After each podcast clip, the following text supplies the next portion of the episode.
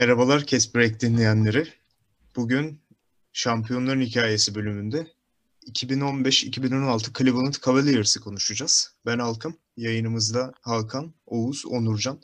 Beraberiz yeniden dördümüz birden. Ee, sezondan başlayarak e, playoff'lara doğru geçeceğiz. Playoff'lardan sonra o epik finali e, çok detaylı bir şekilde konuşacağız sizlerle. Tabii ki biraz e, yakın bir dönemde olduğu için bu final herkesin akıllarında yer etmiş bir final ama biz biraz daha ince bir şekilde ele almaya çalışacağız. Hoş geldiniz beyler. Hoş bulduk Halkım. Merhabalar herkese. Yani şöyle yapalım. Ee, biraz tabii sezonun başından başlayalım. Ee, özellikle Cleveland Cavaliers konuşacağız dedik ama e, Golden State Warriors'ın da NBA'in en iyi normal sezonunu geçirdiğini unutmadan, Cleveland'ın da finalde bu takımı yendiğini unutmadan iki takımdan da konuşarak başlayalım normal sezonlardan. Tabii ki. Ee, ya şimdi şöyle bir sezon abi. Belki de hani normal sezon olarak e, playoff'larda hani bunu taçlandırıyor zaten. Gelmiş geçmiş en iyi normal sezonlardan birisi ki e, en iyi normal sezon rekorunu da zaten bu sene içerisinde görüyoruz. Golden State Warriors 73 galibiyet, 9 mağlubiyetle bitiriyor sezonu. O Chicago'nun 90'larda efsane 72 galibiyetlik e, sezonundan sonra NBA tarihinde ilk defa e, bu rekoru geçen bir takım oluyor. Yani bir önceki senenin şampiyonu olarak geliyor zaten Golden State Warriors 2015-2016 sezonuna. Ve aslında yine çok büyük bir favoriler. Yine hani normal sezonda çok iyi bir takım olmaları bekleniyor ama hani 73 galibiyet e, bambaşka bir olay ki hani burada e, Stephen Curry'nin de 2016 normal sezon MVP'si olduğunu söyleyelim. O da hani hiç normal bir MVP değildi. Hani normal sezonun anormal MVP'si demek daha doğru. Hani belki de gelmiş geçmiş en iyi hani 3-4 MVP kimilerine göre en iyi MVP sezonu e, olarak söyleyebiliriz bunu. 30 sayı ortalama işte 5.4 rebound 6.7 asist 2.1 top çalma hani istatistik kağıdı böyle ama aynı zamanda 50-40-90 yapıyor. Yani hatta 50-45-90 yapıyor desek daha doğru olur. olur. Ee, ki bu %45 üçlük isabetin e, üçlük isabet oranını 11.2 üçlük deneyerek ve 5.1 isabetle yapıyor. Ki zaten Stephen Curry'nin e, oyununu bilen birçok takım onu yayın gerisinde yakın savunuyor. Yani bu 11 şutun e, wide open olmadığını da hatırlatalım. Hani %45 baya çılgın bir sayı. E, sezona da zaten 24-0'lık e, bir seriyle giriyorlar. Bu da NBA tarihinde en iyi ikinci normal sezon açılışı hatta en iyi belki de en iyi normal en sezon açılışı lazım. ama Hı-hı. en iyi ikinci e, galibiyet serisi olduğunu söyleyebiliriz. Ve aslında çok gariptir. E, 25. maçta normal sezonun 25. maçında bu galibiyet serisini sonlandıran takım Milwaukee Bucks. Ama şöyle bir enteresan durum var. Milwaukee'de işte Yanis ve Chris Middleton yine oynuyor 2016'da. Fakat maçı bu iki oyuncu getirmiyor. Yani Yanis'in 11, Middleton'ın 7 sayısı var ama maçı getiren oyuncular hani şu an NBA'de hani hiç kale alınmayan oyuncular işte. OJ Mayo zaten hani NBA ile alakası yok şu anda. E, aldığı cezadan dolayı 18 sayı. İşte Greg Monroe 28 sayı falan atıyor. Michael Carter Williams yine 17-7 5 top çalma falan. Hani öyle alakasız bir takım tarihin en iyi takımın e, takımının serisini sonlandırıyor. E, bunun dışında Batı ikincisi San Antonio Spurs'a bakıyorsun. Ya onlar da e, aşağı kalır yanı yok Golden State'ten hani 67 galibiyetle bitiriyorlar, bitiriyorlar abi sezonu. Zaten evlerinde bir maç kaybediyor San Antonio Spurs. Yani 40 galibiyete karşılık bir mağlubiyetleri var içeride. E, Golden State'in de zaten evinde 39 galibiyet 2 mağlubiyeti var. Hani hiçbir şekilde evlerinde kaybetmiyorlar. E, inanılmaz bir sezon geçiriyor her iki takım da. Bu takımların arkasında Oklahoma City Thunder var 55 galibiyetle. İşte e, Lob City Clippers hani artık son denemeler belki Clippers için de. Onlar da 53 galibiyetle bitiriyorlar sezonu. Hani gerçekten olağanüstü bir playoff dönemi olacağını yani sadece Batı konferansına bakarak bile görebiliyoruz. Cleveland cephesine dönersek e, kadroyu biliyoruz zaten. Hani 2016 finalini bu podcast'i dinleyen birçok seyirci, e, birçok dinleyicimiz bilse de yine de tekrar edelim. E, LeBron James, Kyrie Irving, Kevin Love, J.R. Smith, e, Tristan Thompson, Timofey Mozgov gibi potu altı oyuncuları. Kenardan Matthew Dellavedova, e, Mo Williams var. Son sezonu yani komiktir ki All-Star olmuş bir oyuncu o da LeBron'un sayesinde. E, Cleveland'da ikinci döneminde o da yüzük aldı bu sene. Iman Shumpert, Richard Jefferson, Channing Frye, James Jones gibi kenardan önemli katkı yapan e, oyuncular. Yani Cavs'in gayet iyi bir kadrosu var. Zaten e, doğuda karşılarına çıkabilecek tek ekip olarak normal sezon performanslarına baktığımızda da Toronto Raptors'ı görüyoruz. Hani üçüncü takım ve altına kadar zaten 48 galibiyet ve aşağısında tüm takımlar. Hani zaten hani 73'lük bir Golden State'in karşısına çıkmayı bırak. Hani doğuda bile e, çok hani kafaya oynayabilecek takım yok Toronto dışında. E, nitekim Cleveland, Toronto Raptors doğu finali izledik. E, Cavs için de sezon 55-27'lik bir galibiyet mağlubiyet oranı ile bitiyor ve söylediğim gibi Doğu'yu lider tamamlıyorlar. E, playoff dönemine geldiğimizde ilk turda Detroit Pistons ile eşleşiyorlar. Hani 4-0'lık e, bir sonuçla geçiyorlar. İkinci turda Atlanta Hawks ile eşleşiyorlar. Yine 4-0'la geçiyorlar. Hani buraları çok açmıyorum. Yani 4-0'lık biten bir serinin neyini konuşabiliriz? Bir de hani finale saklamak istiyorum birçok konuşmayı sizle beraber. E, Doğu finaline baktığımız zaman da e, Toronto Raptors'ı 4-2 eliyorlar ve finallerdeki rakibi Golden State Warriors.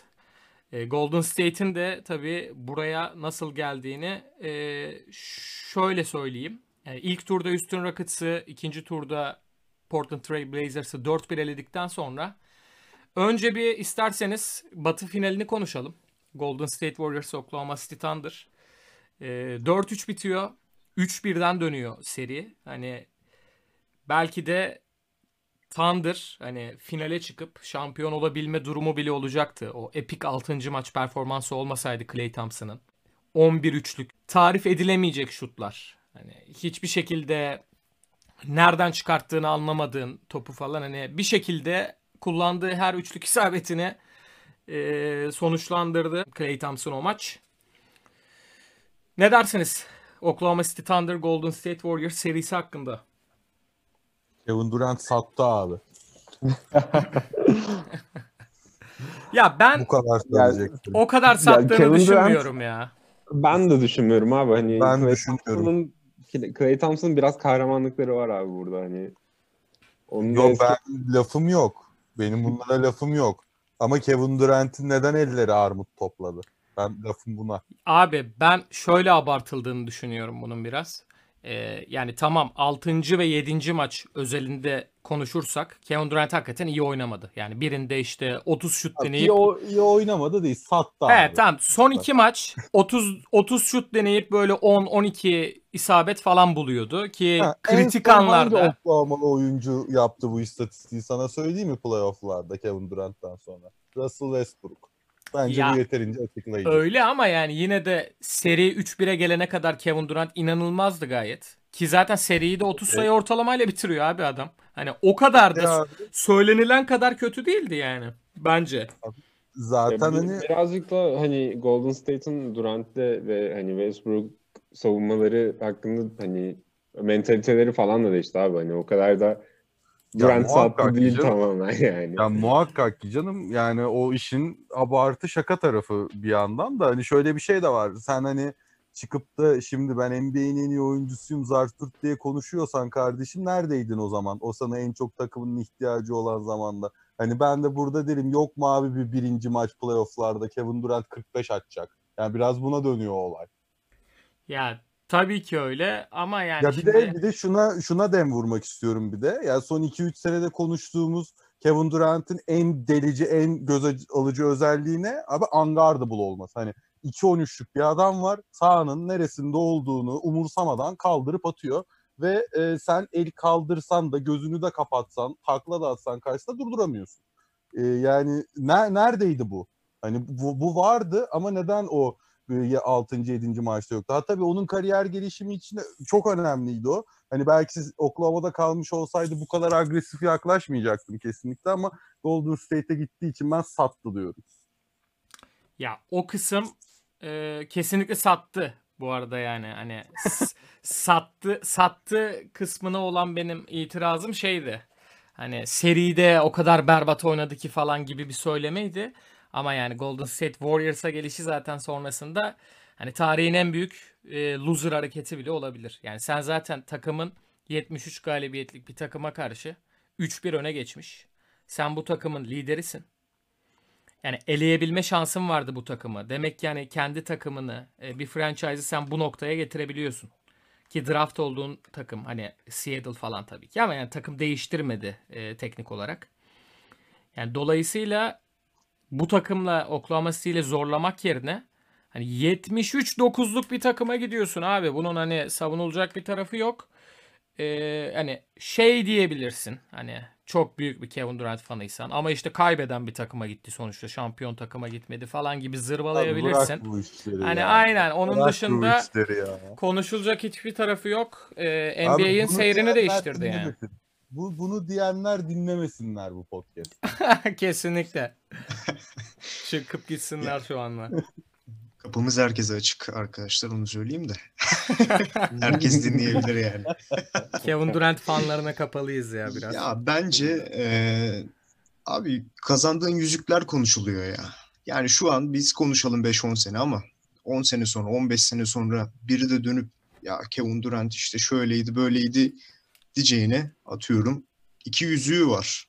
Veya eğer Abi, kazanırsa tabii ya. Brooklyn'de Ama, ama yüzükle şey abi. konuş yüzük daha çok konuşuluyor. ya Abi Dirk bence. Nowitzki'nin bir yüzüğü Kevin Durant'in iki yüzüğünden daha büyüktür. Yani matematikte Mesela- birin ikiden daha Bence büyük olduğu e, ender anlardandır yani bu. Bence de öyle ama e, sonuçta mesela çok taze bir olay. Yine e, Golden State'ten bile gitmiş olmasına rağmen Kevin Durant bu olay bence yine taze bir olay. E, ama belli bir süre sonra yüzüğü konuşulacak yani ve bu Golden State takımı e, yani belki NBA'in görüp görebileceği en iyi 5 takım olarak en iyi 5 veya en iyi 3 belki de en iyi takım olarak anılacak. Kevin Durant'in de içinde olduğu takım. Abi en nefret edilen takım olarak da anılacak ama. Öyle de bir şey var yani. Ya bu tarz hani zaten süper güç olan bir takımın ki bu arada şuna çok kızıyorum ben insanların hani işte Golden State zaten süper takımdı bir de Kevin Durant gitti falan. Tamam elbette ben de Kevin Durant gitsin istemiyordum. Neden istemiyordum bir NBA seyircisi olarak? Ya çünkü contender takım sayısının artmasını istiyorum abi. Ya şimdi Kevin Durant gidince Oklahoma City o potadan düştü. istiyoruz. E, onu kesinlikle Bir de. onu istiyoruz abi. Yani Kevin Durant Golden State'e gittiğinde şunu bilmiyor muyduk? Bu takım tamam önümüzdeki 2-3 sene boyunca hani muhtemelen aksilik olmadık sürece e, şampiyon olacak. Aksilik olursa da finalde kaybeder ki birebir aynısı oldu zaten. Hani 3 senede 2 şampiyonluk bir de sakatlandı Kevin Durant. Hep şunu söyleyeyim. Kevin Durant elbette zaten final MVP seçildi. Takımın özellikle finallerde en iyi oyuncusuydu. Hani iki Cleveland serisinde de hani direkt dagger'la maçı sonlandırdı. Hani LeBron'un üstünden pat pat aynı noktadan falan. Ha, ona hiçbir lafım yok ama hani yani eskiden bu tarz şeylere e, yasak getirildiği şeyleri biliyoruz. Yani bir Chris Paul'un e, Lakers takasının David Stern tarafından hani e, yasaklandığını, gerçekleştirilmediğini yani yine 2000'lere baktığımızda çok örneği olmayan durumlar. E, kızdığım Abi, nokta şuydu. şimdi- Çok pardon. Şunu bitireyim hemen. İnsanların hani Golden State süper takım o da var, bu da var, şu da var falan. Abi bu tamamen e, ekibin e, draft scouting ekibinin başarısıdır yani. Sen Draymond Green'i, Klay Thompson'ı, Stephen Curry'i bu adamlar şey e, çalıp çırpmadı ki bir yerden. Hani bu oyuncuların Onurcan- hepsi hani 2011'de Klay Thompson'ın önünden Yan Vezili falan seçilirken Golden State bu adamı alıyorsa bir nedeni vardı. Tek eklenti Kevin Durant. Geri kalan hani e, tamamen e, teknik ekibin oyuncuların Franchise hani başarısı. aynen organizasyonun Aynen öyle. başarısıdır yani. Jerry West diyelim ben parantez abi- içinde. Ya tabii ki de Jerry West Executive de e, ben o abi Onurcan senin lafına başlamadan minik bir anekdot vereceğim sonra devam edeceğim. E, Steph Curry, Draymond Green ve Klay Thompson'ı e, draft eden front office hani Golden State'in front ofisi Tim Duncan'ı, e, Manu Ginobili'yi ve Tony Parker'ı San Antonio'ya getiren front office bu arada. Evet abi. Yani e, gerçekten keşke benim hayatıma da müdahale edebilseler şu anda yani. Keşke hepimizin. Şeye dönelim o zaman yavaş yavaş. Ee, Ama Onurcan bir şey diyecekti Onurcan ya. Evet. evet. Ee, ben şey diyecektim abi hani Kevin Durant'in e, tamam yaptığı çok saçma yani çoğu biz izleyici olarak çok saçma buluyoruz da hani çok da kızılacak bir hamle değil abi herif yasa dışı bir şey yapmadı yani. Ya Ben tabii sadece- ki de. Hani çok yükleniyoruz şu anda. Ama Gereksiz karaktersiz abi. Abi çok karaktersiz bir davranış. Ben buna hayır demiyorum da hani sonuçta yasa dışı bir şey yapmadı. Bunu zaten büyük ihtimalle hani başka bir programda çok doyasıya konuşacağız yani. Tabii tabii. Bu, bu şekilde hamle yapan bir sürü oyuncu var çünkü NBA'de. Şimdi görünce hani kazanmak için belli başlı takımlara giden bir sürü oyuncular var abi. Kendi Abi süper okey. takımını kuran. Ee, Okey. Ve hani bu konular hakkında güzel konuşulur yani daha detaylı. Tabii. Kesinlikle Ama ben öyle. de- Uzatabilirim şimdiden ama playoff'lardan. Evet. Ya bu arada şunu az önce söyledim o yanlış anlaşılmasın. Golden State aynı zamanda en nefret edilen takımdı diye Alkım hani e, bir karşıt görüşte. Yani Kevin Durant'li Golden State'ten bahsediyorum orada. Hani 2014-15 ve 15-16 Golden State Warriors benim hani NBA tarihinde en sevdiğim 3-4 takımdan birisi ama hani orada çok hani bilmiyorum beni tamamen soğutmuştu e, bu olay yani. Hani Zaten Evet, Durant'ten sonra ba- bakış açısı biraz değişti. Tabii ki. Zaten karşı ama sadece benim için değil, bütün basketbol taraftarları, izleyicileri için Golden State'in hani öneminin çok büyük olması lazım. Oyun değişti yani en nihayetinde. Hani bugün çocuklar, e, küçük çocuklar falan hani ne bileyim Kobe'nin, Michael Jordan'ın hareketlerini, işte fadeaway'lerini falan denemekten ziyade gidip orta sahadan üçlük atmaya çalışıyorlarsa okulda potalara hani bu oyunun değiştiğini gösteriyor yani. Hem de tam olarak bu sezonda.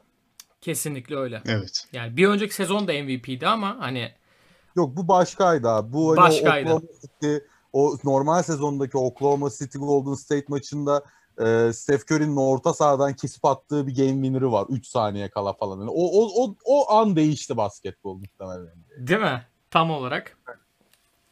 Tam Çok- olarak o an değişti.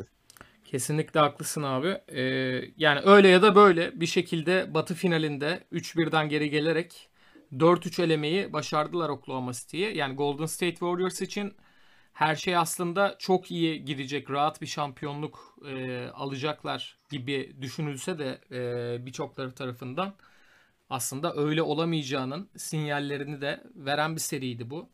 E, finallere gelelim isterseniz.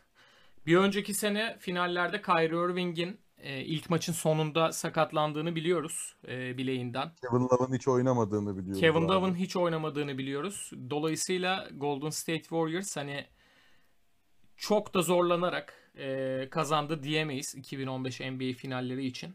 Ama asıl sınav e, hem Warriors açısından hem de Cavaliers açısından belki de bu sene olacaktı. Çünkü Miami'den ayrılıp Cleveland'a gelen ve şehre spor tarihinde ilk defa bir şampiyonluk getirmek isteyen yani tamamen loser bir şehre LeBron James var. Ve ard arda ikinci kez final kaybetmek istemiyor.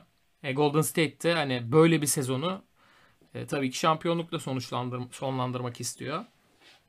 İlk maça baktığımızda daha doğrusu ilk iki maça baktığımızda aslında Golden State Warriors gayet rahat galibiyetler alıyor. 104-89 yeniyorlar ilk maçı.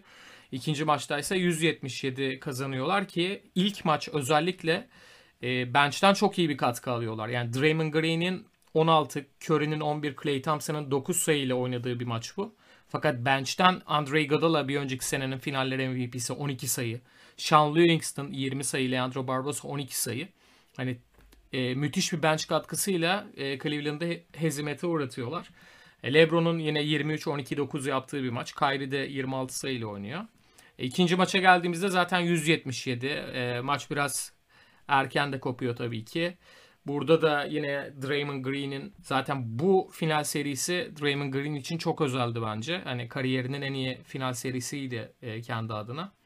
Abi E- bu seride oynamasa kontrat alamayacaktı çünkü. Doğru söylüyorsun. Ee, şöyle bir not var ikinci maçla alakalı. Kyrie Irving 33 dakikada 10 sayı ve bir asistle bitiriyor. Ee, Şaşırdık mı? Ya şaşırdım. Pek şaşırmadık. Ben şöyle şa- ben, ben şöyle şaşırdım. Devamına baktığın zaman Bipolar dönemine falan gelmiştir abi. Aynen muhtemelen. e, Yoksa şaşırtıcı. şaşırtıcı. Yani devamında çünkü yani zaten konuşacağız. Ee, beşinci maçla beraber hani nasıl God mod açtığını LeBron ve Kyrie'nin. Ee, şimdi aslında serinin e, değişmeye başladığı maç. Hani Cleveland ilk iki maçı bayağı ezici bir şekilde kaybetti. E zaten bir önceki sene e, bu takıma kaybetmişler. Hani İbre tamamen Golden State Warriors'ı göstermeye başlamıştı 2-0'da. Fakat Cleveland seri kendi e, şehrine döndüğü zaman 120-90 kazanmayı bildi 3. maçta. LeBron'un 32-11-6'lık bir performansı var. Kyrie yine 30 sayı 8 asistle ona eşlik ediyor. Hani gayet eze eze vura vura e, kazanıp hani biz de bu seride varız, bu seriyi ortağız dediği maç. E, Cleveland Cavaliers'ın. Şimdi dördüncü maç biraz garip bir maç. Aslında serinin de kırılma noktası.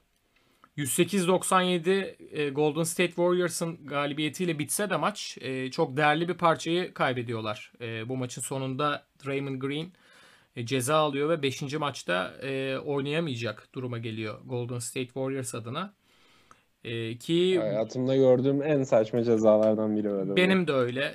çok çok da sallamak istemiyorum abi. şimdi hani, ama ben de ben de çok sallamak istemiyorum da hani Draymond Green'in yerinde bak LeBron yapmaz tamam mı bu hareketi.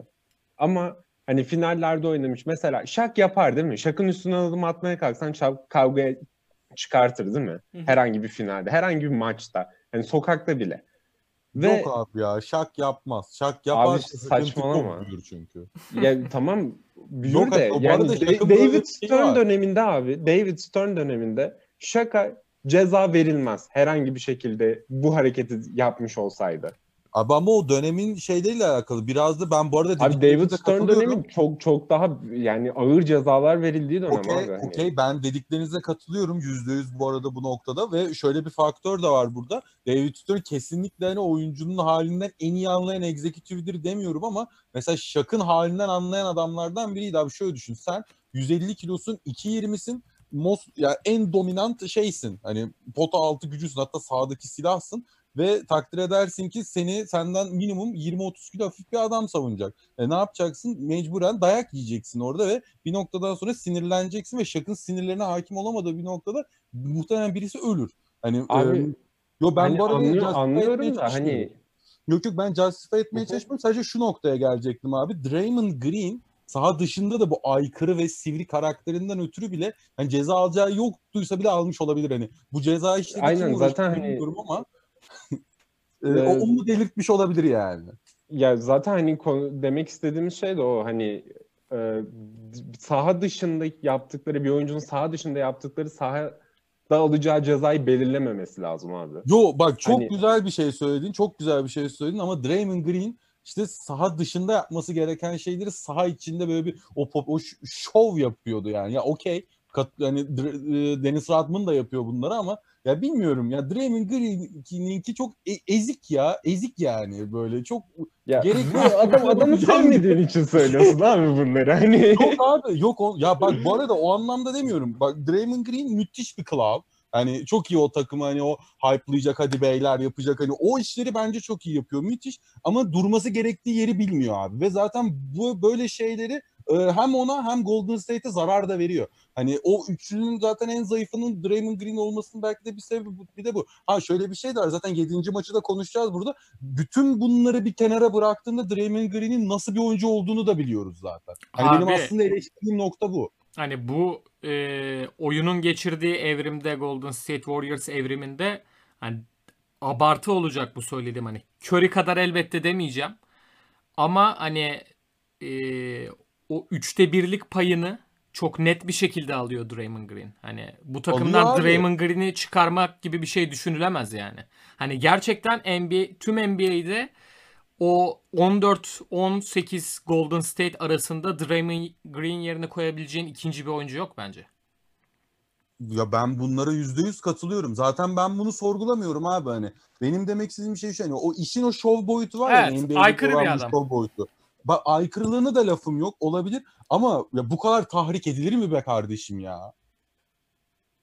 Doğru. Bir noktada doğru. Yani sadece bu sene nezdinde demiyorum. Sonraki senede parmağını LeBron'un gözüne soktu. Ondan sonraki senede gitti birine yine bir şeyler yaptı. Hani LeBron özelinde konuşmuyorum. Hani sadece LeBron ya da Cleveland'da da diye başkalarına da yapıyor bunları. Ya seviyor. Evet. Olay çıkarmayı seviyor genel anlamda. Aynen. Şöyle diyebilir miyiz? Beceriksiz bir trash talker. Aynen öyle. Aynen öyle. Tim Duncan zaten vermiş ayarı zamanında sanırım kendisi. Ee...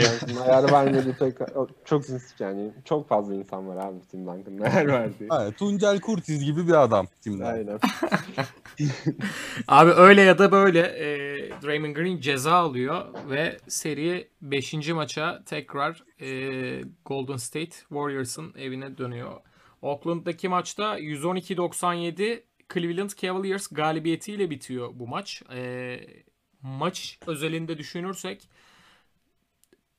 Draymond Green yerine Andre Iguodala'nın ilk 5'e geçtiğini görüyoruz ki bu formülü zaten 2015 finallerinde de Steve Kerr'ın kısa 5'e geçmesinden alışmıştık. Ee, Andrew Bogut aynı şekilde yani Draymond Green'in ceza almasını konuşmak kadar aslında bu seride konuşulması gereken hani bence en az o kadar önemli bir durum. Andrew Bogut'un bu maç sakatlanıp serinin devamında oynayamayacak olması yani Festus Ezeli işte Anderson Verece'a falan tamamlamaya çalışıyor onun yerine. Ama yani hani Bogut ki, evet. Hani pick and roll'u ve pick'ten çıkıp şut atmayı bu kadar çok kullanan bir takımın Draymond Green ve Andrew Bogut'a sahip olmaması bir maçta hani felaket senaryosu resmen. Ne kaldı ki elinde yani? Yani ne kaldı yani? Bir Clay Thompson'ı e, şey yapacak hani ortaya çıkaracak en önemli şey hani o adamın e, topsuz hareket edip abi e, bir pikten çıkıp hızlı bir şekilde şut atıp bunu sayıya çevirmesi tamamen hani Andrew Bogut'un ve Draymond Green'in nerede pik koymasını bildiğinden kaynaklı. Ve bu oyuncuları hani Anderson ve Ajar gibi hani Ezeli gibi oyunculardan yani 3-5 gömlek yukarıya koyan en büyük özelliklerden biri abi bu, oyun, bu oyuncuların zekası. Ve bu oyuncuları bu takımdan çıkardığın zaman ne kalıyor ki elinde gerçekten Oğuz'un söylediği gibi. Ee, abi zaten şöyle bir şey var. Bu adamların olmadığı hani e, ne Kevin Looney'lere falan kalındığı o Toronto serisinde gördük zaten hani kime neye muhtaç olduğunu e, Golden State'in ve hani bu adamları çıkarınca bu sene bir G-League takımına döndüğünü de gördük Golden State. Yani gerçekten Andrew Bogut ve Draymond Green gibi o basketbol IQ'su başka bir şey. Yani takıma kattıkları kesinlikle tartışılmaz. Aynen öyle ya. Andrew Bogut'un belki Milwaukee dönemleri kadar hani enerjik olmadığı zamanlar ee, ama Abi zaten oyunu çok daha bilinçli oynadığı dönem takım içi daha yararlı bir oyuncuya dönüştüğü bir dönem ki e, görevini, rolünü çok iyi biliyordu. Hani bunun dışına kalkmaya çalışabilecek, e, buna kalkışabilecek bir oyuncu da değil. Böyle bir kapasitesi de yok zaten. Hani tamamen e, Onurcan'ın da söylediği gibi Stephen Curry'e, Clay Thompson'a hani perde yapmak, onlara alan açmak e, görevi ve bunu da hakikaten çok iyi yapıyordu yani tecrübesiyle. Hani Ezeli'nin falan zaten serinin devamında hani e, hayatta böyle bir şey yapamadığını da gördük. Bu arada 5. maçla alakalı hani sadece Andrew Bogut'un sakatlığını falan söyleyerek geçemeyeceğim. Abi LeBron ve Kyrie'nin beyler biz bu seriyi çeviriyoruz dedikleri maç aynı zamanda. Ya Golden... beşinci günün şafağıydı ya. Beşinci günün şafağında doğuya bakıldı yani. Yani Lebron'un zaten o gözlüklü fotoğrafını biliyorsunuz. Coldest foto. Aynen öyle. Hani e, orada zaten karar verdi. Hani dünyada bu serinin döneceğini e, dördüncü maçta seri 3-1 olduktan sonra tek bir kişi biliyordu. O da Lebron'du sanırım. O fotoğrafa ya bak, bakınca bak, insan onu görüyor yani. Bak bana şunu bir söyleyin ya bak. 41 sayı, 11 asist, 8 rebound, 4 top çalma, 3 blok nedir ya? Nedir abi bu stat line? Bunu fantazilikte görünce ne yapıyorsunuz sabah? Önce bununla başlayalım istersen. abi e... zevkten dört köşe oluyoruz. Ne yapıyoruz? e, ya önceki maç 6. maç istatistiklerini verdin sen. Bir önceki maça bakarsan orada da yine 41 sayı, Doğru. 16 rebound, 7 asist, 3 top çalma, 3 blok. 3 blok. Ha bak yani, burada ben Irving de 41 sayı 5. maç. İşte Irving de 40 Ir, Kyrie Irving de 41 sayı atıyor. Hani ikisi beraber 82 sayı daha önce finaller tarihinde eşi benzeri görülmemiş bir olay. İki oyuncunun e, aynı takımdan 40 sayı ve üzerinde atması ki yani LeBron bu 41 sayının yanına öyle bir stat line veriyor ki bize. Hani kafayı yememek mümkün değil. Bir sonraki Abi maça geç. yıl 3 blok nedir ya? Ya bak bu çok özel bir seviye yani savunma anlamında. Nerede olursan ol kim olursan ol. E, bir sonraki maç işte senin söylediğin istatistikte de hani yine 4 top çalıp 3 blok yapıyor. Bir önceki maç 3-3 yapmıştı. E, yine 41 atıyor abi. Hani 5. maçta kaldığı yerden devam ediyor. E, 8 rebound ve 11 de asist ekliyor bu sefer de bunun yanına. E, 6. maçı bu arada hani skor olarak da verelim. 115-101 e, içeride kazanıyor Cavaliers. E, ilk çeyrekten zaten 31-11 başlıyorlar maça. Hani geçen 5. maç yaşananlar öyle bir tesadüf eseri değildi e, diyorlar resmen. Maçın başında bir tokat gibi bir e, karşılık veriyorlar Golden State Warriors'a. Andrew Bogut sakatlandıktan sonra onun yerini Iguodala dolduruyor. Aslında e, tam anlamıyla kısa beşin şimdi dönüldüğünü söyleyebiliriz 5. maçtan ziyade. Ve as, yani bu durumda zaten reboundlarda da bize e, aradaki fark e, gösteriyor biraz. Hani 45 rebounda karşılık 35 reboundda kalıyor Golden State Warriors. E, Warriors cephesine bakarsak da bu arada Curry'nin 30, Clay Thompson'ın 25 sayıyla oynadığını görüyoruz. Aslında kötü de oynamıyorlar. 5. maçta da aynı şekilde Clay yine serideki en iyi maçını oynamıştı 37 ile. E, Curry 25 sayı atmıştı ama gerçekten hani LeBron ve Kyrie'nin öyle bir seviyeye çıktığını görüyoruz ki Curry ve Clay Thompson'ın iyi oynaması yeterli olmuyor. Efsa epik oynamaları gerekiyor. Ve artık son olarak 7. maç. Ee, bir kez daha hatırlatıyorum. 39 galibiyet, 2 mağlubiyetle tamamladığını söylemiştik Golden State Warriors'ın içeride normal sezonda. Ve serinin 7. maçı. Yine e, Warriors'ın Abi şunu, sahasında... şunu da eklemek istiyorum. Hani 7. E, maça geçmeden önce. Bu insanlar hani bu seriyi konuşurken genelde Golden State bu seriyi kaybetti diye konuşuyor. Ama hani şu iki maça bakınca aslında seriyi LeBron'la Kyrie Irving kazandı. Yani bunu altını çizmek istiyorum yani. Aynen hani öyle. insanlar LeBron'la Kyrie'nin yaptıklarını çok hani göz ardı ediyorlar. Genelde 73'e 9'luk bir takımın şampiyon olmasını beklersin. Kazanamadılar abi yoktu onlarda falan diye konuşuluyor genelde Golden State'ten. Öyle değil aslında o olay. Hani LeBron'la Kyrie o kadar inanılmaz bir seviyede oynuyorlar ki yani eşi benzerlerini görmedik daha önce büyük ihtimalle bir daha da hani uzun zamanlar görmeyeceğiz de böyle bir seri seviyeyi iki oyuncudan. Abi kesinlikle çok güzel bir noktaya parmak bastın. Ee, %100 katılıyorum. Yani LeBron James'in kariyerinde zaten e, yani özellikle Miami'ye gittiğinde hani tüm Cleveland şehrinin neredeyse hani bir nefret seviyesine dönüştüğünü biliyoruz e, LeBron James'e olan görüşlerinin. Yani Miami'ye gitti. Orada kurduğu Big Three NBA'in hani diğer ta- taraftarlarını, diğer şehirlerini rahatsız etmişti. Hani okyanus ötesinden de e, birçok insan hani az önce söylediğimiz aslında Kevin Durant'in Warriors'a gitme oluşumu gibi bir durum da oradaki Big Three'de. E, LeBron'un tam anlamıyla üzerindeki elbette her zaman sevilen, sayılan bir oyuncuydu. Fakat bir nefret tayfa, bir hater tayfası da vardı. E, bu nefretin o kişiler tarafından dahi tamamen sevgiye ve saygıya dönüştüğü seridir. LeBron'un da kariyerindeki 3 şampiyonluk arasında tartışmaya gerek yok zaten bunu. En değerli şampiyonluğu. 3 ee, şampiyonluk e, gücündedir abi bu şampiyon. Kesinlikle. Ee, abi hani maçı burada çok sözel bir şekilde anlatmayayım ben size. Zaten girip YouTube'dan bakarsınız. Sadece şunu söyleyeyim. 93-89 e, Cleveland Cavaliers'ın maçı kazandığını biliyoruz zaten. E, Festus Ezeli ilk 5'te başlayıp sadece 10 dakika süre alıyor. İşlerin çünkü o şekilde yürümediğini söylemiştik zaten. Iguodala maçın devamında oynuyor.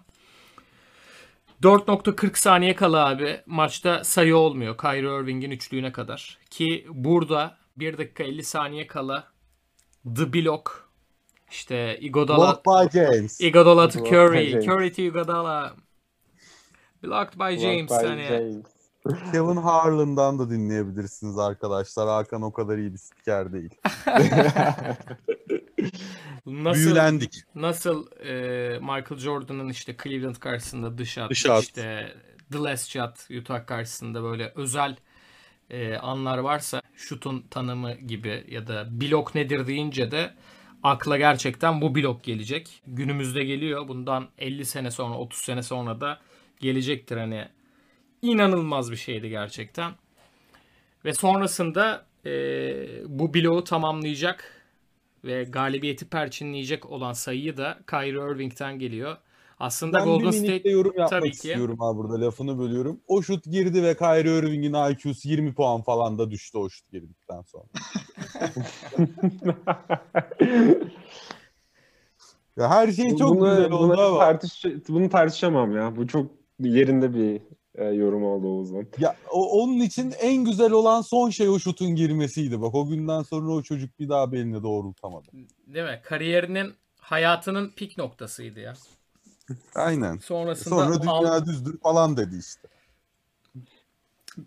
yani sapıttı tamamen. Bak sen bile yorum yapamıyorsun kardeşim yani. Ya öyle yani gerçekten öyle. Hani dünya düzdür diyen adama laf anlatmazsın ki. Yani ben yorum yapmamamın nedeni bu yani. Aynen öyle. Devam edelim.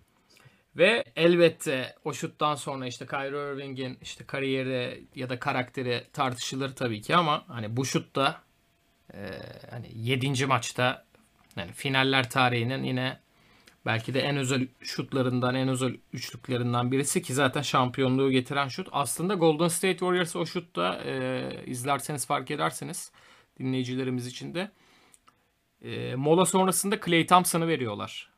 Hmm, Kyrie Irving'e ki Klay Thompson Stephen Curry'e göre çok daha iyi bir perimetre savunmacısı olduğunu biliyoruz zaten. Fakat J.R. Smith'in perdesi sonrası bir switch oluyor orada. Curry ile eşleşiyor Kyrie Irving ki zaten e, Tyronn Lue'nun da istediği buydu diye düşünüyorum.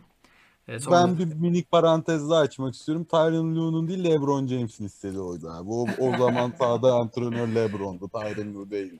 Tyronn Lue evet e, senin benim kadar katkı vermiştir diyebilir miyiz yani? Yok Yani, ya. Artık bu kadar da yemeyelim adamları ya. Abi Tyronn Lue'nun da kesinlikle katkısı var bu şampiyonlukta bence. Evet Var, abi. var. Ama-. Ama bak Alkım şöyle bir şey var. E, şimdi LeBron takımın elbette komutanı zaten yani ben Tyronn Lue'nun önüne burada koyuyorum hani Oğuz da koyuyor diye düşünüyorum. Sen de Onurcan'ı bilmesem de. Abi inanılmaz bir e, şey ikonik bir hareket var işte bu. Iverson'ın Tyronn Lue'nun üstünden geçti 2001'de onu biliyoruz değil mi? Evet. Evet. Tabii. O hareketi NBA tarihinde Tyronn Lue'ya yapan bir oyuncu daha var oyunculuk döneminde. LeBron. LeBron James LeBron James abi. Yani adam üstünden geçtiğin adamın sözünü ne kadar dinlersin yani şimdi. ne diyor la bu diye bakarsın abi. Yani yani bir? Tyronn Ki- Lue'da hani ne kadar söz geçirebilirsin ki David ki Blatt'le arada- yaşananları da biliyorsan yani hani Aynen öyle. Ki bu arada şöyle bir şey de var. Özellikle 5. maçtan sonraki hani 3. ve 4. periyotta alınan molalara bakarsa eğer dinleyicilerimiz molalarda Tyronn Lue'dan çok LeBron'un konuştuğunu, Tyronn Lue'nun da kenarda oturup elinde tahtaya boş boş baktığını çoğunlukla görecekler. Ya ben bunları gördüğüm için aktarıyorum yani. abi e, yani hem sahanın kenarında hem de saha içinde her anlamda e, playoff döneminin e, zaten finaller MVP'si olduğunu söyleyelim. Önceki iki şampiyonların hikayesinde hani 50'şer dakika konuşup en ufak detayları bile söyleyip finaller MVP'sini de söylememişiz arkadaşlar. E, buradan da kusurumuza bakmayın diyelim ama bu e, zaten bu NBA finalinde söylememize gerek de yok yani. Sonuçta Richard Jefferson'ın ya da Dante Jones'un finaller MVP'si olacak hali yok. Ee, LeBron James'in finalini konuştuğumuz bir seride. Şöyle bir şey var yine LeBron'la alakalı. NBA tarihinde yine finaller tarihinde ilk defa bir oyuncu her iki e, takımın tüm oyuncuları dahil serideki bütün statları lider tamamlıyor. Sayı, rebound, asist, top çalma ve blok. Hemen vereyim bunları da. LeBron James'in 16 finalleri seri ortalamalarını söylüyorum. 29.7 sayı, 11.3 rebound, 8.9 asist, 2.6 top çalma, 2.3 blok. Ne diyorsunuz? Tam bir performans. Hey maşallah diyoruz abi ne diyeceğiz yani. Ha bir de bu Muazzam dominasyon yani. ha, bir de bu hani şey değil ha. Bir kere de değil. hani Sonraki senelerde de böyle gidiyor bu. Evet. Ya işte şampiyonlukla beraber taçlandırılması burada hani. Ee, Önemli. zaten tacı olan bir adam hani kral lakaplı birinden söz ediyoruz ama e, tabii şampiyonluk e, senin de söylediğin gibi 3 şampiyonluk gücünde. Ya bu Cleveland Golden State eşleşmesini seneler sonra da birçok kez daha izledik ki aslında yine çok enteresan bir durumdur. E, NBA tarihinde hiçbir zaman e, ard arda 4 sene boyunca iki aynı takım finallerde oynamadı. Hani bu Boston Celtics, Los Angeles Lakers'ın sürekli finallerde karşılaştığı sezonlara işte 60'lara giderseniz işte 80'lerde yine bu iki takım bayağı karşılaştı. Hani o zamanlara baksanız bile böyle bir şeyin örneği yok. Bu işte... arada ona çok küçük bir detay vereyim abi ben sana. O dönemlerde NBA değildi. NBA ve ABA diye e, tabii ki, NBA, tabii ki. Aynen. O merger 1973 sanırım ya da 79 hatırlamıyorum. Ondan sonrasında dediğin gibi evet. E, ya ondan öncesinde de öyle. Ki zaten şöyle bir durum var. Takım aslında bu söylediğin benim söylediğim tezi de güçlendiriyor. Çünkü takım sayısı da daha az. Hani ona rağmen Tabii. yaşanmamış bir olay. Ee, işte 2010'larda böyle bir şeye de tanıklık ediyoruz. Ee, yani elbette Golden State Warriors'ın da hani belki bu program en az Cleveland kadar konuştuk. Onlar için de ayrı bir bölümümüz olacaktır. Ee, bunu da söyleyelim. Fakat e, şimdi ben birkaç soruyla gelmek istiyorum size. Ee, LeBron James'i bu seride özel kılan hani GOAT olarak e, tartışılan tarihteki isimlere kıyasla e, onu farklı kılan şeyler nelerdi sizce? Abi şimdi şöyle bir durum var burada. Ee, bir kere diğer GOAT dediğimiz adamlar hani Kobe'dir, e, Magic Johnson belki soru işaretlemek istemiyorum. Kerim, Wilt, hani Jordan bu adamların olayı neydi? Yani dominant olmalarıydı değil mi? Hani sahaya çıktıklarında bu adamlar işlerini yapmaya başladığı zaman ne olursa olsun bu adamı e, sen amacından saptıramıyordun. Hani öyle bir konsantrasyon sesi. Hani e, go, şeyin Kobe'nin aldığı şampiyonlukta özellikle Shaq'tan sonraki aldığı o Boston'ı 7. maçta eledik, yendiklerinde ya da Michael Jordan'ın zaten The Last Dance'de izleyicilerimiz izlemişler nasıl sapık bir e, motivasyon böyle bir winner hastası olduğu şeyini. Ya burada aslında diğer e, GOAT'lardan ayırmaktan ziyade ben LeBron James'te şöyle bir şey sezinledim ki e, o bence de biraz dramatikti. Şimdi şöyle bir şey var. LeBron James abi kendisini bu şehre belli ki borçlu hissetmiş. Ve e, şey bittikten sonra zaten adam hüngür hüngür ağlayarak Cleveland this is for you diye naralar attı. Ya şimdi bu çok özel bir şey mi bilmiyorum ama demek ki adam bunu da hissetmiş ki hani bu seviyeye daha önce LeBron çıkmadı mı? Yalan söylemeyin bence bu seviyeye LeBron James oyun anlamında hiçbir zaman çıkmadı. 2011'de de çıkmadı, 12'de de çıkmadı, 13'te de çıkmadı. Ha şöyle bir şey de var hani 2012'de 13'te hani görmedik mi hani bir ay geçirdi %65 yani üç isabetiyle 40 sayı ortalamalar, triple double'lar falan. Okey bunları yaptı. Ama bu çok daha özel bir şeydi. Bu nasıl bir şeydi biliyor musunuz? Hani hani mesela az önce konuştuk hani J.R. Smith'ten e, geldi. Steph Curry ile karşı karşıya kaldı Kyrie Irving diye. Zaten LeBron James dediğimiz adam karşısındaki e, rakip takımın en çok oynanan minimum 10-12 setini ezbere bilen bir adam. Ve hani bunu artık öyle bir seviyeye yapmış ki ki o final serisinde izlerseniz zaten görebilirsiniz LeBron James'in e, tepeden oynadığı pick and roll'larda ya da kanatta topu aldığında Kyrie Irving'le yaptığı handoff'larda falan %80 karşısında kalan oyuncu Steph Curry'dir. Ki direkt post topu alır, high post ya da low post'ta oyun kurar. Şimdi GOAT olarak hani ayırır mı bilmiyorum ama mesela Michael Jordan'ın ya da Kobe Bryant'ın da mindset'i buydu. Hani karşı tarafın zayıflığı neyse ona göre oynamaktı ve bu serideki Golden State'in zayıflığı LeBron James'i savunacak fiziksel adamın sadece belki Draymond Green olmasaydı ve bütün seri boyunca, bütün seri boyunca demek doğru değil ama son iki e, maçında bu serinin kesinlikle Draymond Green dışında herkes savunmak zorunda kaldı LeBron James'i. Hani işin bu e, teknik kısmı. Ya GOAT olarak demek ne derece doğru olur bilmiyorum çünkü o GOAT olarak tanımlayabilmemiz için şimdi o adamların o noktalarda yaptığı işler önemli. Hani mesela Michael Jordan'ı GOAT yapan şeyin o hırsı değil mi? Hani o son topta bile adam bırakmıyor gidiyor şey yapıyor. Hani Kobe Bryant aynı şekilde iki yönlü de hani e, görürsün de 20 sayı öndedir blok yer döner o adamı bloklar ondan sonra. Hani böyle bir hırs şeyi vardır. LeBron James'e de böyle bir hırs şeyi vardı ve hani aslında diğer GOAT'lardan ayırmasından ziyade bu maçtan sonra bence LeBron James artık GOAT oldu dedik hepimiz. Abi yayına girmeden önce arkadaşımla konuştum. Bana dedi ki işte LeBron'un bloğu hakkında ne söyleyecek? Hani Kyrie'nin üçlüğünü mü LeBron'un bloğunu mu öne çıkaracaksınız? Ha dedim elbette LeBron'un bloğunu öne çıkaracağız. Muhtemelen ya dedim yani diğer arkadaşlarım bilmiyorum ama benim için dedim öyle. E sonra hani bilmiyorum falan dedi. Bence Kyrie'nin üçlüğü işte daha kritikti, daha özeldi gibi bir şeydi. Öyle de hani e, şu var. E, ben ona şunu söyledim. Size soracağım. Hani o bloğu bir NBA 7. maçında LeBron'dan başka o zamanın NBA'inde ya da günümüz NBA'inde yapabilecek oyuncu var mı? Varsa kaç oyuncu var? Bence hani yok diyebiliriz. Olursa da hani belki işte Kava'yı alabiliriz. O Chase'dan bile o yapabilecek. Belki Yanis'i söyleyebiliriz. Antetokounmpo olabilir. Abi şimdi orada şu pozisyonu da biraz incelemek lazım. Pozisyonun detayına bakarsanız Andre Iguodala top, potanın hani sağından ya da solundan girmiyor. Direkt karşısından giriyor. Hani bu hani olur da sağdan ya da soldan duruma göre atacağım diye ki LeBron James'in bu arada o bloğu yapabilmesinin en büyük sebebi J.R. Smith'in orada gösterdiği o yalancı elini kaldırması. Ki orada kaldırdığı zaman işte Andre Iguodala bir adım o hani double pump dedikleri şey var ya o topu hani havaya kaldırıp indirip sonra tekrar çıkart. O minik o e, zamanlamayı hani LeBron'a kazandırıyor. Zaten LeBron James'in çıkışını gördüyseniz hani iki elini birden açarak çıkıyor. Hani e, sağdan da atsa soldan da atsa bloklayacak hani.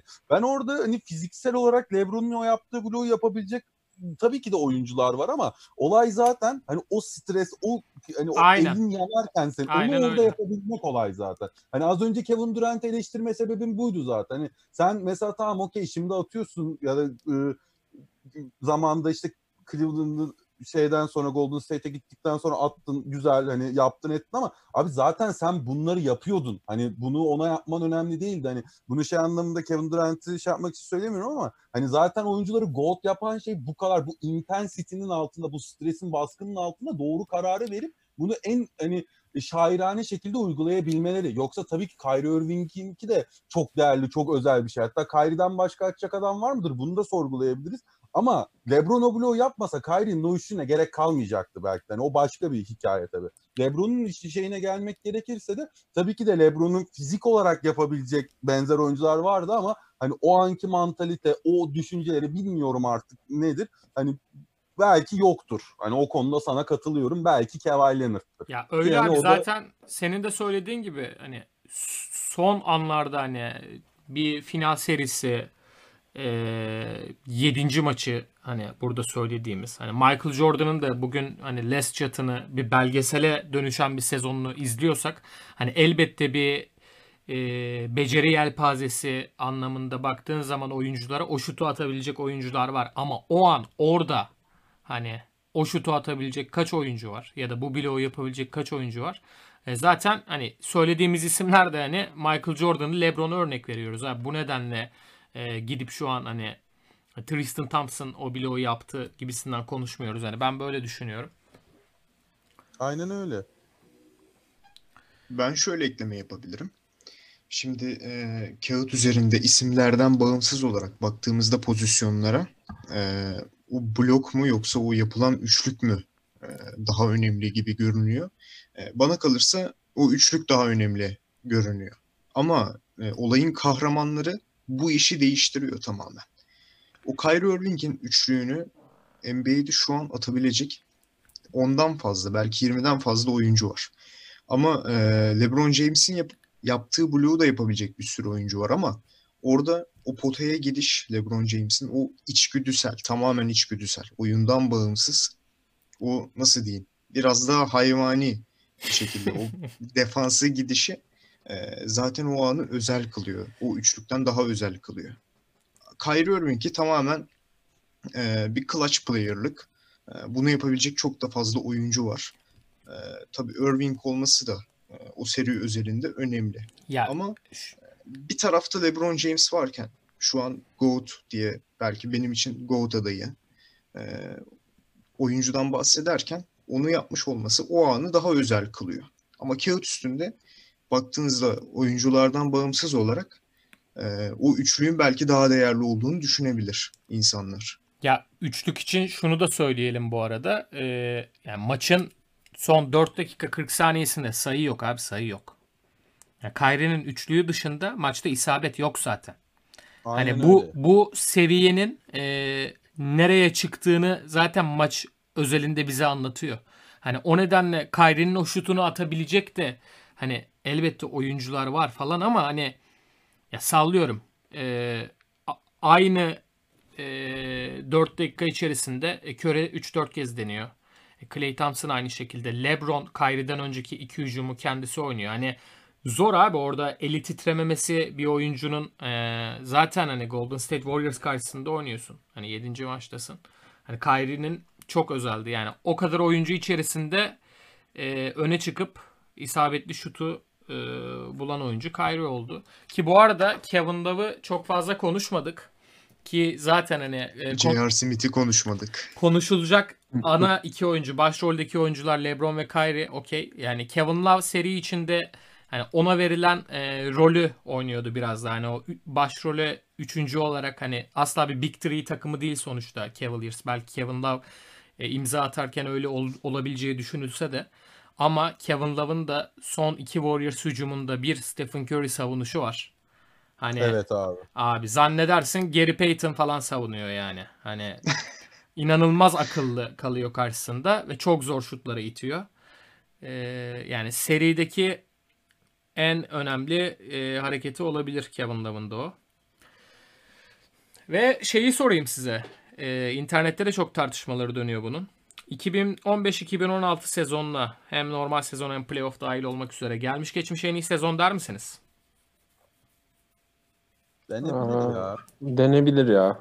Ya bu Yani- arada aynı sezon içerisinde e, Kobe Bryant'ın da Allah rahmet eylesin e, son maçına Aynen. çıktığını, son sezonu olduğunu hatırlatalım. 60 maç, 60 sayılık e, Utah maçı e, Kobe'nin de bize vedasıydı. Abi ben şöyle bir yorum yapmak istiyorum buna. Ee, kesinlikle hani popüler kültürde hani günümüz modern zamanları için değerlendireceksek belki kesinlikle öyle. Ee, yani dediğin gibi hem ikonik çok fazla an var. Hani şu şampiyonluk, ondan öncesi 79'luk Golden State, Kobe'nin vedası. Hani bunlar sadece hatırladıklarımız gibi yani eminim şu an aklımıza gelmeyen birçok şey daha var. Ee, yani bunun yanı sıra ben biraz şundan dolayı çok özel olduğunu düşünüyorum o sezonun. Abi bugün şu an süperstar diye konuştuğumuz bütün adamlar hep bu 2015-2016 sezonunda hani kendileri Evet mesela abi. Kyrie Evet Hani abi. o çok özeldi bence. O, o olayı bitirdi. Ve dikkat ederseniz de 2015-2016 sezonundan sonraki her sene bu oyuncular hep bir, yani bir adım dahi olsa ileri gitti ki genelde 5'en 10'ar adım ileri gittiler. Yani LeBron dahil buna. Kyrie Irving de hariç. Doğru diyorsun. Kyrie Irving hariç ama ya gerçekten. Ya keşke o da iyiye gitseydi. Vallahi bir E, standartını korusa verici. bence bu arada Kyrie Irving de bence ileriye gidebilecek bir oyuncu da. Ya o şeyi korumuyor abi. Çok cıvık bir adam. abi adamı delirttiler. Çok cıvık bir adam ya. O Ronnie 2K Clay Thompson'dan daha az rating verdi diye buna delirdi abi. Şeyde 2K17'de e, ratingler açıklandığında Clay. Thompson'ın ratingi 91'di. K- Kyrie Irving'in de 89 ya da 90 yaptılar yanlış hatırlamıyorsam. Bütün her şey orada başladı zaten aslında. Ama orada da bir haksızlık var bence ya. Ya orada ya tabii bu işin magazinsel boyutu da asıl hikayenin aslı da şu. E, Kyrie Irving ile Clay Thompson'ın takas dedikodusu. Tabii bu ilerleyen zamanlarda hani daha çok konuşulacak bir şey de. Abi Yani aslında- Kendisini büyük ihtimal Clay Thompson'dan üst gördü. Çünkü Clay Thompson e, tamamen böyle e, nasıl desem Çilen Buckets abi adam. Takılıyor En- ve şut atıyor. Bu aynen kadar. en önde yer almıyor. Ama Aynen. bence inanılmaz bir oyuncu o da. Bence de inanılmaz. Çok underrated bir adam. Evet kesinlikle. Ya, Underrated bir oyuncu. Doğru e, kelime. Şeyi de söyleyeceğim bu arada 15-16 sezonu güzellemesi yapmaya devam edelim bir yandan. Abi 15-16 e, çaylak yarışına baktığınızda da hani gördüğünüz isimler o sezona giriş yapan. E, zaten işte yılın çaylağı seçilen e, Karl Anthony Towns var. Aynı şekilde New York Knicks'in oyuncusu Kristaps Porzingis var. E, Denver Nuggets'ta Jokic'in ilk sezonu yine. E, Devin Booker'ın Phoenix Suns'la beraber ilk sezonu. Hani birçok süperstar da aslında lige giriş yapıyor. 15-16'da öyle bir güzel yanı daha var. diyelim. Jokic'i en azından aldık mı oraya? Burada anlaşalım bari ya. Alacağız. Alacağız. Ya bu sene bir playoff görseydi alacaktık belki bence. Evet yani bir e, en azından bir ilk turu geçsin ya. Aynen öyle yani. Aynen. O neyse bunu başka zaman Evet, evet. uzar. Kesinlikle öyle. Çok dağıtmayalım. Bu arada Karl Anthony Towns'un e, o sezon bütün first place oylarını aldığını da söyleyelim çaylak yarışında. 130 oyu da alıyor. Ki bunu zaten 84 sezonundan sonra NBA tarihinde başarabilen 5. oyuncu oluyor. Yakın dönemden de Blake Griffin ve Damian Lillard'ın çaylak sezonlarında bunu yaptığını biliyoruz. Aynı şekilde bütün first place oylarını alıp MVP olan oyuncu da Stephen Curry. Yani onun da çok özel bir MVP olduğunu söyledik. Yani bütün birinci sıra oylarını alıyor burada. E, böyle bir sezondu 2016. Hani çok iyi bir normal sezondu. E, ve böyle bir normal sezonun üstüne herkes e, aynı şekilde playoff döneminin de çok heyecanlı geçeceğini düşünüyordu. Ama hani bu kadar geçeceğini düşünüyor muydu? E, bilmiyorum. Gerçekten film senaryosu gibi bir playoff dönemiydi. Keşke bu senede playoffları izleyebilsek deyip böyle biraz hüzünlü bir şekilde kapatalım yayını. Yani son olarak e, şunu ekleyeyim istedim. Yani bu şampiyonluğu tabii ki de her şampiyonluk özel kendi çapında ama bu şampiyonluğu tüm çevrelerce özel kılan e, Cleveland Cavaliers'ın 3-1'den 4-3 yapması, geri dönüşü e, bu NBA tarihinde tek sağ final için konuşuyorum.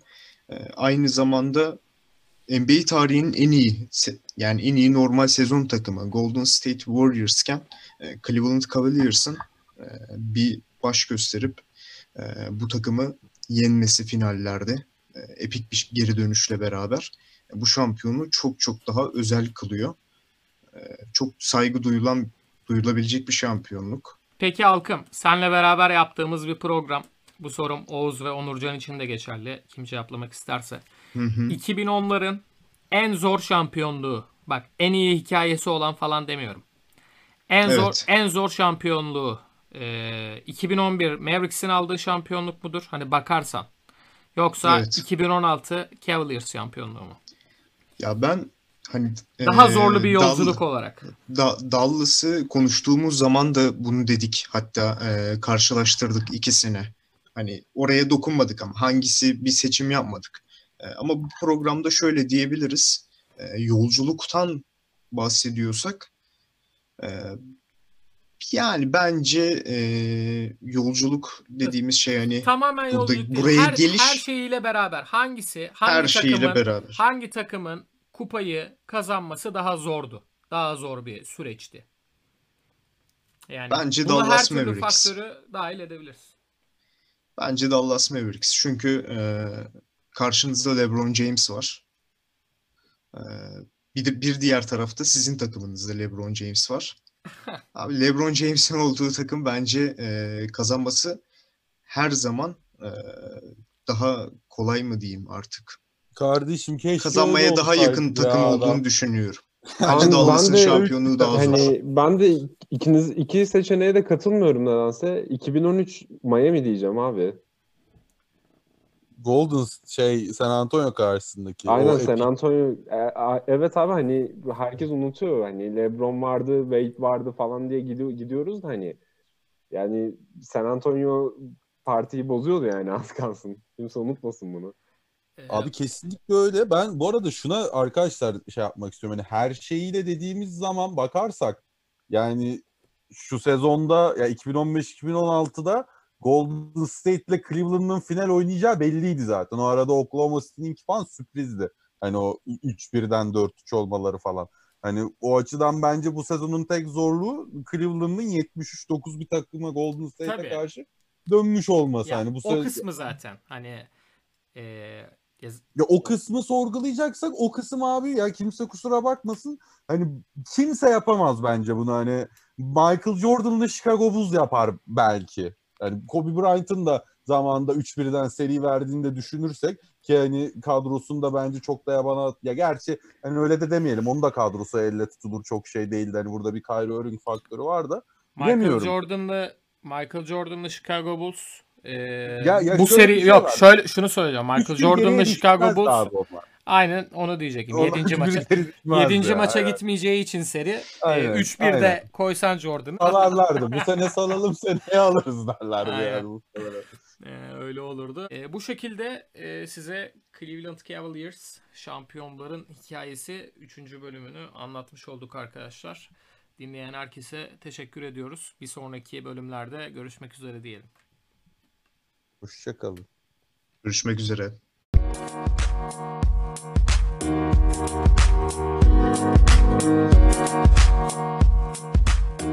you.